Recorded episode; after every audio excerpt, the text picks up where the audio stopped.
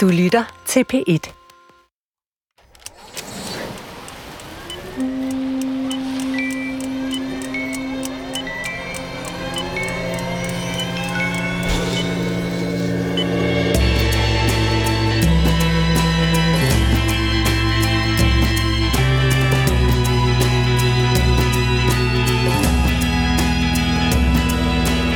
Har, som de fleste vel, jævnligt været i situationer, hvor nogen har inviteret mig til at blive medlem af en eller anden form for fællesskab.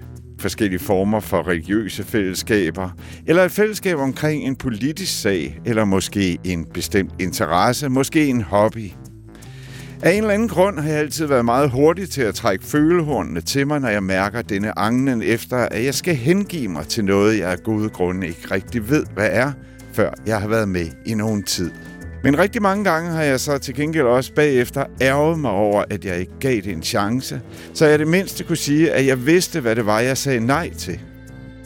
Derfor er dagens radiofortælling under overskriften Meditation og afmagt særlig interessant for sådan nogen som os, fordi vi her får en fribillet på forreste række til at mærke et fællesskab, som Charlotte Østervang af egen kraft opsøgte – en oplevelse, som Charlotte Østervang så heldigvis nu vælger at dele med alle os i radiofortællingers fællesskab, ovenikøbet i købet over to afsnit. To afsnit, som jeg har tilrettelagt og klippet. Jeg hedder Torben Brandt, men det er Charlotte Østervang, der fører ordet. Det er hendes historie.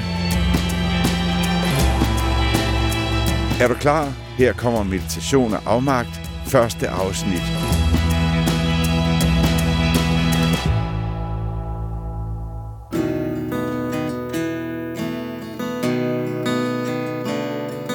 Står tidligt op den 2. januar. Jeg har vasket alt mit tøj og kufferten pakket 1. januar om aftenen. Det ligner ellers ikke mig, men jeg glædede mig virkelig til at finde ro og fordybelse. Og så kigger jeg mig selv i spejlet, og så beslutter jeg mig for, at jeg skal have et rigtig godt ophold, og jeg skal få det til at glide, uanset om jeg ikke er enig i alt, hvad der foregår, så skal jeg få det allerbedste ud af det her, og tage, hvad de har at give mig. Bare følge et flow, det kan jeg godt. Og når jeg kommer hjem, er alting anderledes.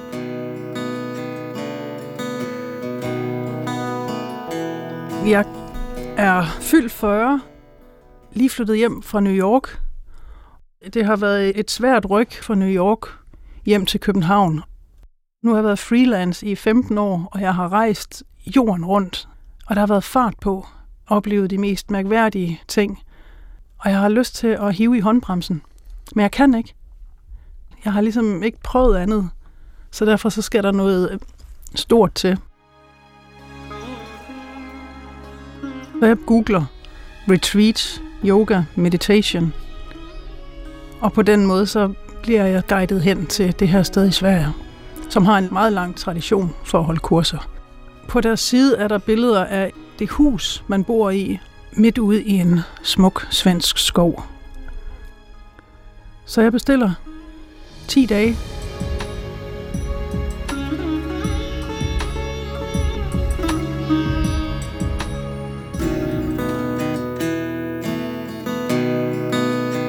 Jeg tager ind til hovedbanegården i god tid, og så står jeg foran McDonald's, og så tænker jeg, jeg skal have mit sidste måltid af den slags. Fordi når jeg kommer hjem, så er jeg veganer, og så er der ikke plads til McDonald's i mit liv. Så jeg spiser en Big Mac med ekstra mayonnaise til pomfritterne og hele målsjavsen. Og en cola til toget selvfølgelig. Og jeg sætter mig i toget og kører afsted.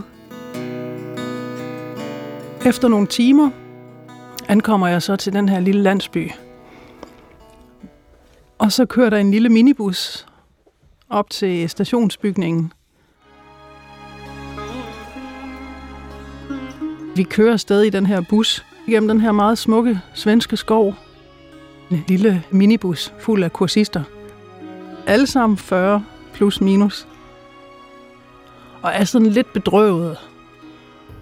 Vi ligner små børn. Og vi har jo alle sammen et kæmpe ønske om, at det er den store transformation, vi går i møde.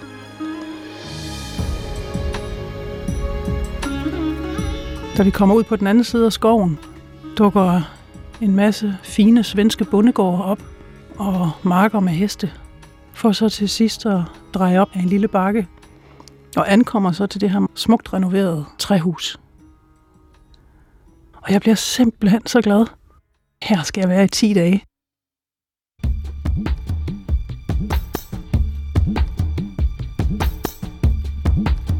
Det første, der møder os, det er to af yogalærerne, som sidder i en sofa, og så skal vi hen en af gangen og indskrives.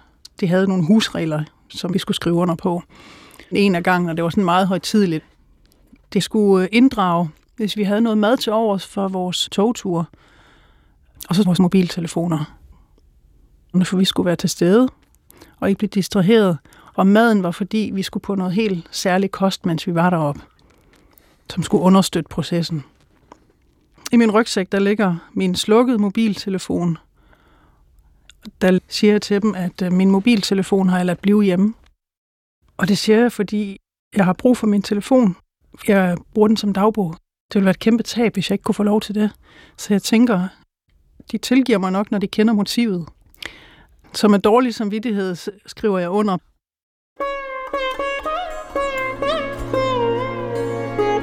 Og da vi alle sammen har fået pakket ud, så mødes vi over i den store stue, hvor der er en pejs. En gruppe på 30-35 mennesker, som sidder rundt om ilden, og der er varm te. Mens at øh, dem, der styrer kursusstedet, de vimser rundt, og vi kan se, at de har enormt travlt med at forberede. Det simrer i køkkenet, og der bliver vimset i salen. Der bliver rystet tæpper. Og... Altså, der er den her gruppe af lærlinge, hvor nogen har været der et halvt år, andre har været der i mange år. Meget søde. De var meget tynde, alle sammen i 20'erne. Og yoga- og meditationslærerne 50 år opad. Og alle var klædt i det samme tøj. De havde en stor bunke af orange tøj, som vi så også blev opfordret til at bruge af. Og vi løsner sådan lidt op på snakker på kryds og tværs. Og jeg kom i, i snak med en nordmand, fra Nordnorge. Ja. Og så bliver vi inviteret ind i den store yogasal, hvor der er sat sådan en masse yogamotter frem. Og der er jo ikke nogen af os, der er vant til at sidde i lotusstilling, og vi fumler rundt og prøver ligesom at finde sådan måden, man sidder på. Det går ikke så godt. Men det er jo også dag et.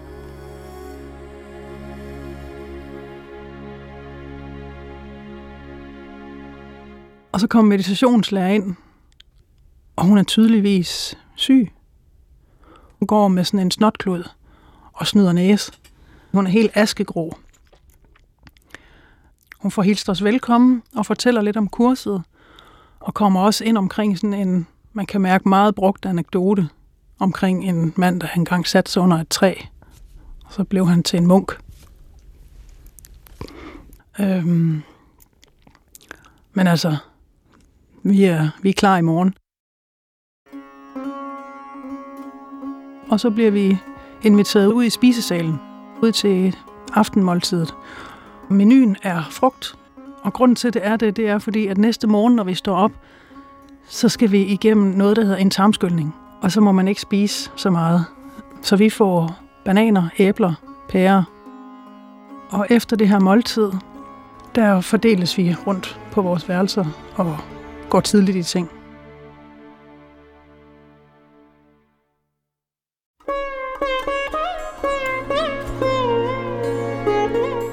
Og næste morgen bliver vi vækket ret tidligt og skal over til vores første meditation.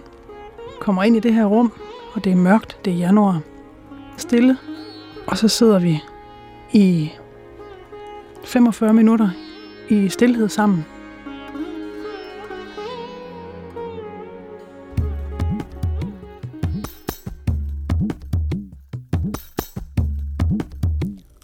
Så skal vi ud i spisesalen igen. Der er der sat to borde op, og ved hvert bord sidder der en af de her unge lærlinge. Foran dem, der er der en kæmpestor militær militærstørrelse gryde. Og i den gryde, der er der lunken vand med salt i. Og så får vi ellers med sådan en øh, ske det her lunkne vand op i et glas, som vi så får nogle minutter til at drikke. Og når man så har drukket det her glas, så skal man lave nogle yogaøvelser fordi så skal man ligesom have det her lunkne vand ned og sætte gang i noget. Og man tænker ved det første glas, det er da okay, det går nok. Og så, så går man tilbage og stiller sig i køen, og så får man endnu et glas varmt vand. Og anden gang smager det også okay. Det ryger hurtigt ned. Tredje gang man skal have det her vand, så begynder man at bide det lidt over. Meningen er så, at øhm, man går fra at drikke et glas til en yogaøvelse, og så skulle man gerne på et tidspunkt have hul igennem, og det kan så godt gå en 5-6 glas, før det sker. Du stopper først, når det, der kommer ud af dig, er lige så rent, som det, du har hældt indenbords. Og det er rigtig ubehageligt i tiden op til der 4., 5., 6. glas, fordi der er ikke plads til mere i dig. Og sådan fortsætter det. De fleste, de stopper omkring 15. 16. glas.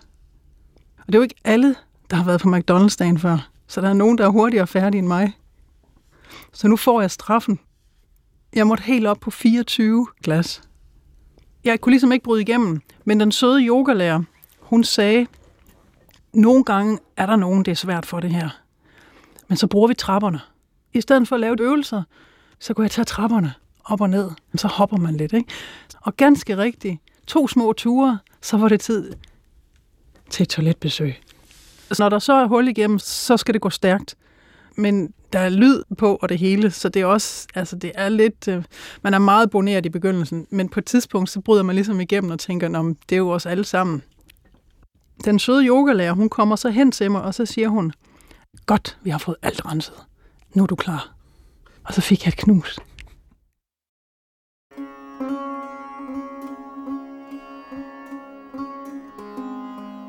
Den nat sover jeg afsindig godt. Og jeg vågner næste morgen, altså fuldstændig udvilet og klar. Jeg er så glad over, at jeg er på det her ophold, og jeg har drømt om natten. En ufattelig livlig drøm om en af dem, som er på kursusstedet, som jeg ikke rigtig har talt med. En irsk kvinde.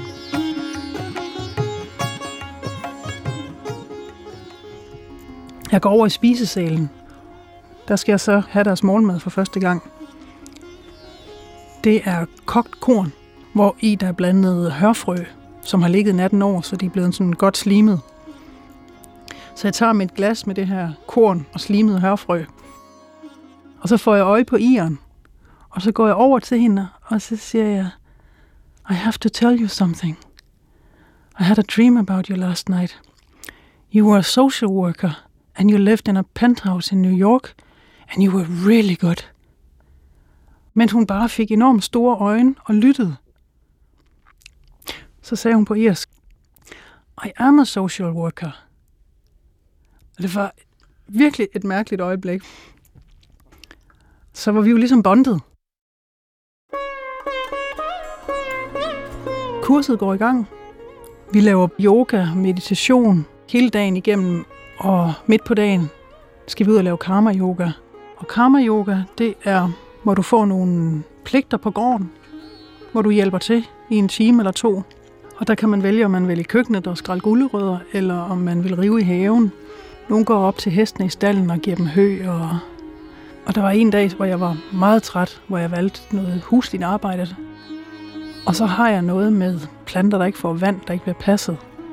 Det kan jeg ikke så godt have. Så øh, jeg var rundt og tjekke deres planter, og de manglede altså noget omsorg. Så jeg fandt en vandkande og fik vandet de her blomster. Og det holdt jeg sådan ved lige de næste par dage.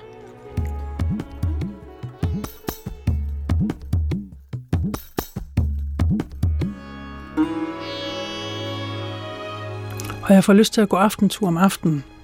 Og spørger så den irske kvinde og nordmanden, om de vil med. Der er nyfalden sne. Så smuk. Og det er fuldstændig stjerneklart. Og når vi går i det her mørke, så kan vi høre vores trin knirke på den der måde, som det jo skal lyde om vinteren. Og der gik vi et par timer sammen, nogle aftener i træk, hvor vi havde store eksistentielle samtaler, samtidig med at vi fniste af det hele. Det var virkelig lejerskolen, og det er bedst på de her gåture.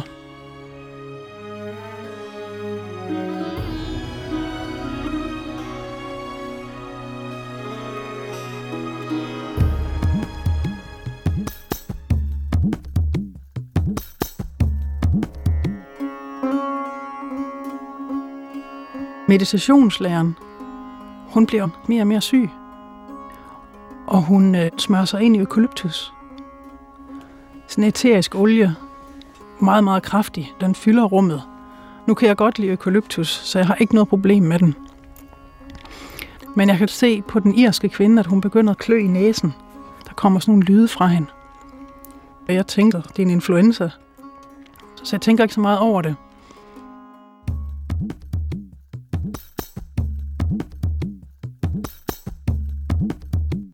Den aften, der skal vi have sådan en musik- og dansaften.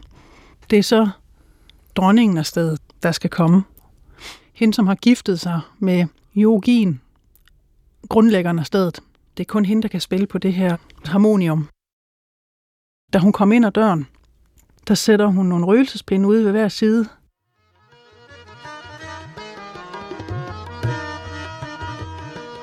Og vi sidder 30 mennesker med åbne øjne og bare kigger på den der dame, der giver den virkelig gas med sit harmonium. Og det bliver sådan højere og højere.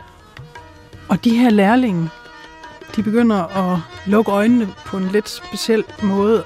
Der går virkelig trancedans i den. De giver den virkelig gas. De er væk i dans. Og jeg kan se på den irske kvinde, at hendes tilstand bliver værre efterhånden, som koncerten skrider frem. Hun kæmper med snotklude. Hendes øjne røde og løber i vand, og hun er hævet i ansigtet.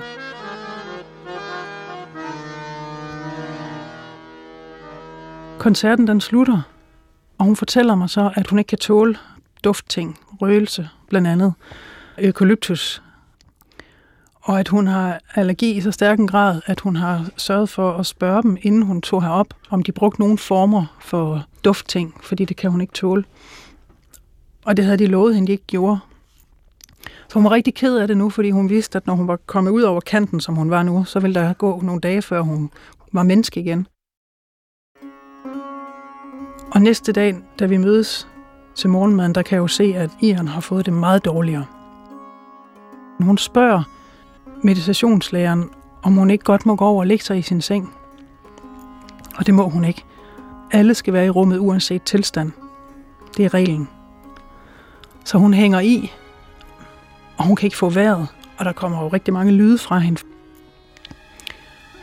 Da vi så er færdige og skal til frokost, der skal Ian ind og tale med kursuslederne. Og bagefter så går vi udenfor, og jeg har ikke set Ian, men jeg tænker, at hun jo selvfølgelig er gået over og sove på sit værelse.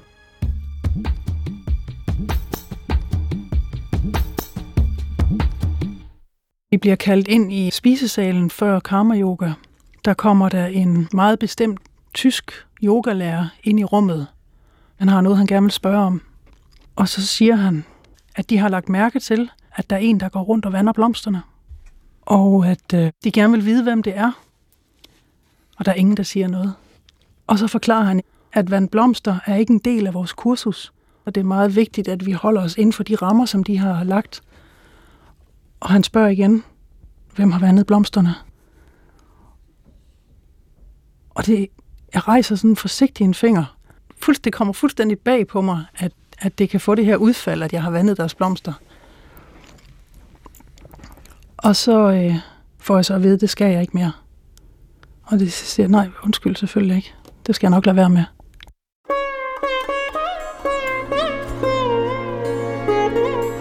Jeg bliver sat til at, at feje blade sammen ude i haven sammen med nordmanden. Og det skal lige siges, at, at jeg jo har haft mange fine stunder sammen med nordmanden og den irske kvinde sammen. Men det var også lidt rart at have ham alene, mens hun lå over i sengen og var syg. Nu var han ligesom min den her eftermiddag. Og vi blev enige om, at øh, vi skal rulle en snemand i det her nyfaldende sne. Og vi var bare to glade børn, der lavede snemand sammen. Og vi fik sat den lille bold oven på den store hovedet, og så manglede vi jo en næse. Så jeg går op til køkkenet, som bare er 10 meter derfra, og så åbner den søde yogalærer, hun åbner døren, og så siger jeg, at jeg må vel ikke få en guldråd til næsen. Hun stivner. Nej, det tror jeg ikke, du kan. Så bare sådan, men bare en gulerod. Kan du ikke have en snemmand uden øh, næse? Og så kan jeg høre, der er trin på terrassen ovenover, så jeg træder lige sådan et skridt tilbage og kigger op. Så står jeg og kigger op på den her tyske yogalærer. Nu er han tilbage. Og så siger han, du skal gøre karma yoga. Bare sådan, jamen det gør jeg jo også, jeg fejrer blade. Og vi har fejret blade. Se den bunke derovre. Bare gerne have en gulerod til næsen. Og så står han bare sådan og drejer hovedet fra side til side. Det skulle jeg ikke. Jeg skulle lave karma yoga. Og så kigger jeg over på nordmanden, og jeg kunne bare se, at det kunne han ikke lide at få ballade. Men vi har simpelthen bare været to glade børn. Hvilket jeg jo troede var det, det hele handlede om. Find den barnlige glæde frem. Det der med at være lidt forelsket i en klassekammerat. Alle de der følelser af noget nyt spiger. Altså det, på en måde bliver det ikke finere. Og da jeg står i det her spændingsfelt mellem yogalæreren, som egentlig er sød nok, men som kender reglerne, som ikke vil give mig en gulerød, som har hørt de tyske fodtrin på terrassen ovenover, og jeg får øjenkontakt med ham, og bagefter kigger over på nordmanden, som kigger ned i jorden, skamfuldt. Det var sådan, det hele det faldt bare til jorden. Det var bare sådan, puff, væk.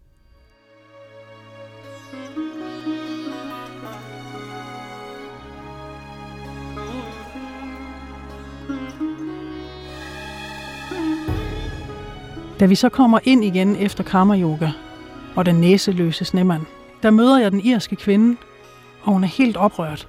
Hun trækker mig til side, og så fortæller hun, at mens vi har været ude og lave karma yoga, der har hun været trukket ind på kontoret, og der har samtlige yogalærer siddet over for hende som et panel og sagt til hende, at hendes allergi er psykisk betinget.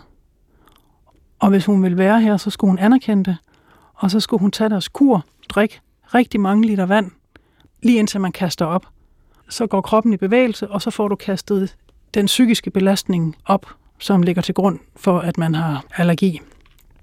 Og hun ville ikke. Altså hun kunne ikke udsætte sin krop på det her tidspunkt for sådan en belastning. Og de blev ved, og de var benhårde og iskolde. Og så sagde de, hvis du ikke vil gøre det, så skal du forlade stedet. Og så bad hun mig om at blive hos hende, for hun er bange for at være alene med dem. Og i det her øjeblik, der ved jeg, at nu er der ingen vej tilbage. Det, jeg lovede mig selv foran spejlet, da jeg stod hjemme. Ingen ballade. Altså, det bliver rigtig svært nu, fordi jeg bliver nødt til at hjælpe det her menneske, og jeg kan tydeligt mærke på den øjenkontakt, jeg får med yogalærerne, at det her, det er illeset. Og jeg går med hende over på værelset, og hun øh, siger, at jeg tager imod deres tilbud om at forlade stedet. Og jeg prøver at få hende til at blive, fordi jeg vil ikke undvære hende. Men jeg kan også godt forstå hende. Og så kommer jeg i tanke om, at jeg jo har en telefon. Og Ian havde fortalt mig, at hun havde landet i København og taget toget. Så jeg ved også, at hun har en flybillet ud af København. Og hvis hun skal til København i den her tilstand, og begynder at finde et hotel, så det gør kun det hele meget værre. Så jeg går ind og henter min telefon, og så ringer jeg til en veninde, som har et hus ved søen på Christiania. Og jeg spørger, om hun kan have hende den første nat, og så lige hjælpe hende med at booke et hotelværelse. Og det siger hun selvfølgelig kan det. Og det fortæller jeg Ian, og hun er lettet. Og hun pakker sin ting, og vi andre går ligesom videre med vores program. Og da jeg kommer ud fra den næste yoga-team, møder jeg hende igen, hvor hun fortæller, at nu har de siddet med hende ved computeren, for de vil have hende til at booke en direkte billet hjem. Hun måtte ikke lave et ophold i København. Og siger, at kan det nu passe? Ja, de vil ikke kun smide mod af Sverige, de vil faktisk smide mod af Skandinavien. Men jeg har sagt, at det skal de ikke blande sig i. Så sagde hun, jeg tør simpelthen ikke at lade dem køre mig til toget. Vil du ikke godt køre med i bilen? Fordi hvad kan de finde på, hvis de kan finde på det her? De har gjort to gange nu. Og så sagde jeg, jeg tror også, de vil rigtig gerne af med dig, men lad os se. De får kørt bilen frem, og det er sådan en ung, sød gut, som vi godt kender af lærlingene, der skal køre bilen. Så siger hun, jeg tør godt køre med ham her. Så jeg, okay. Og så giver jeg hende et knus og får sendt hende afsted med en lap papir, hvor der er et telefonnummer. Og hun får jo også en mobiltelefon nu, så fra nu af, så kan hun klare sig selv.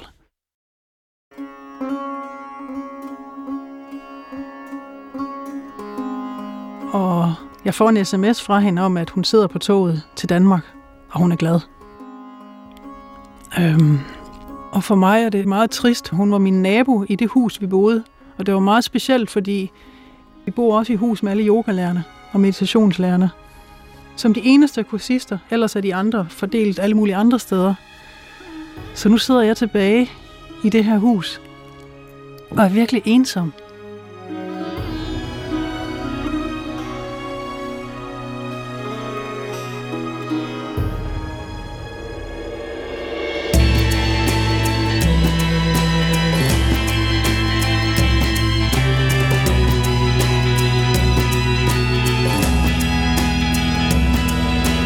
Ja, og her kunne Charlotte Østervangs historie for så vidt godt slutte i ensomhedens mørke.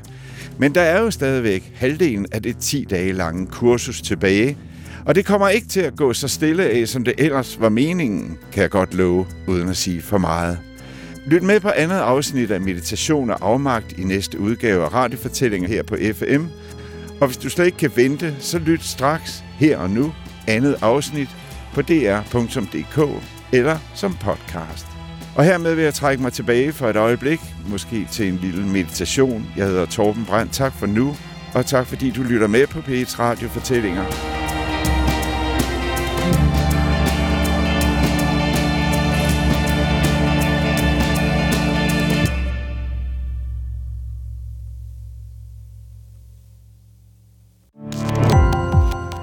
Gå på opdagelse i alle DR's podcast og radioprogrammer. I appen DR Lyd.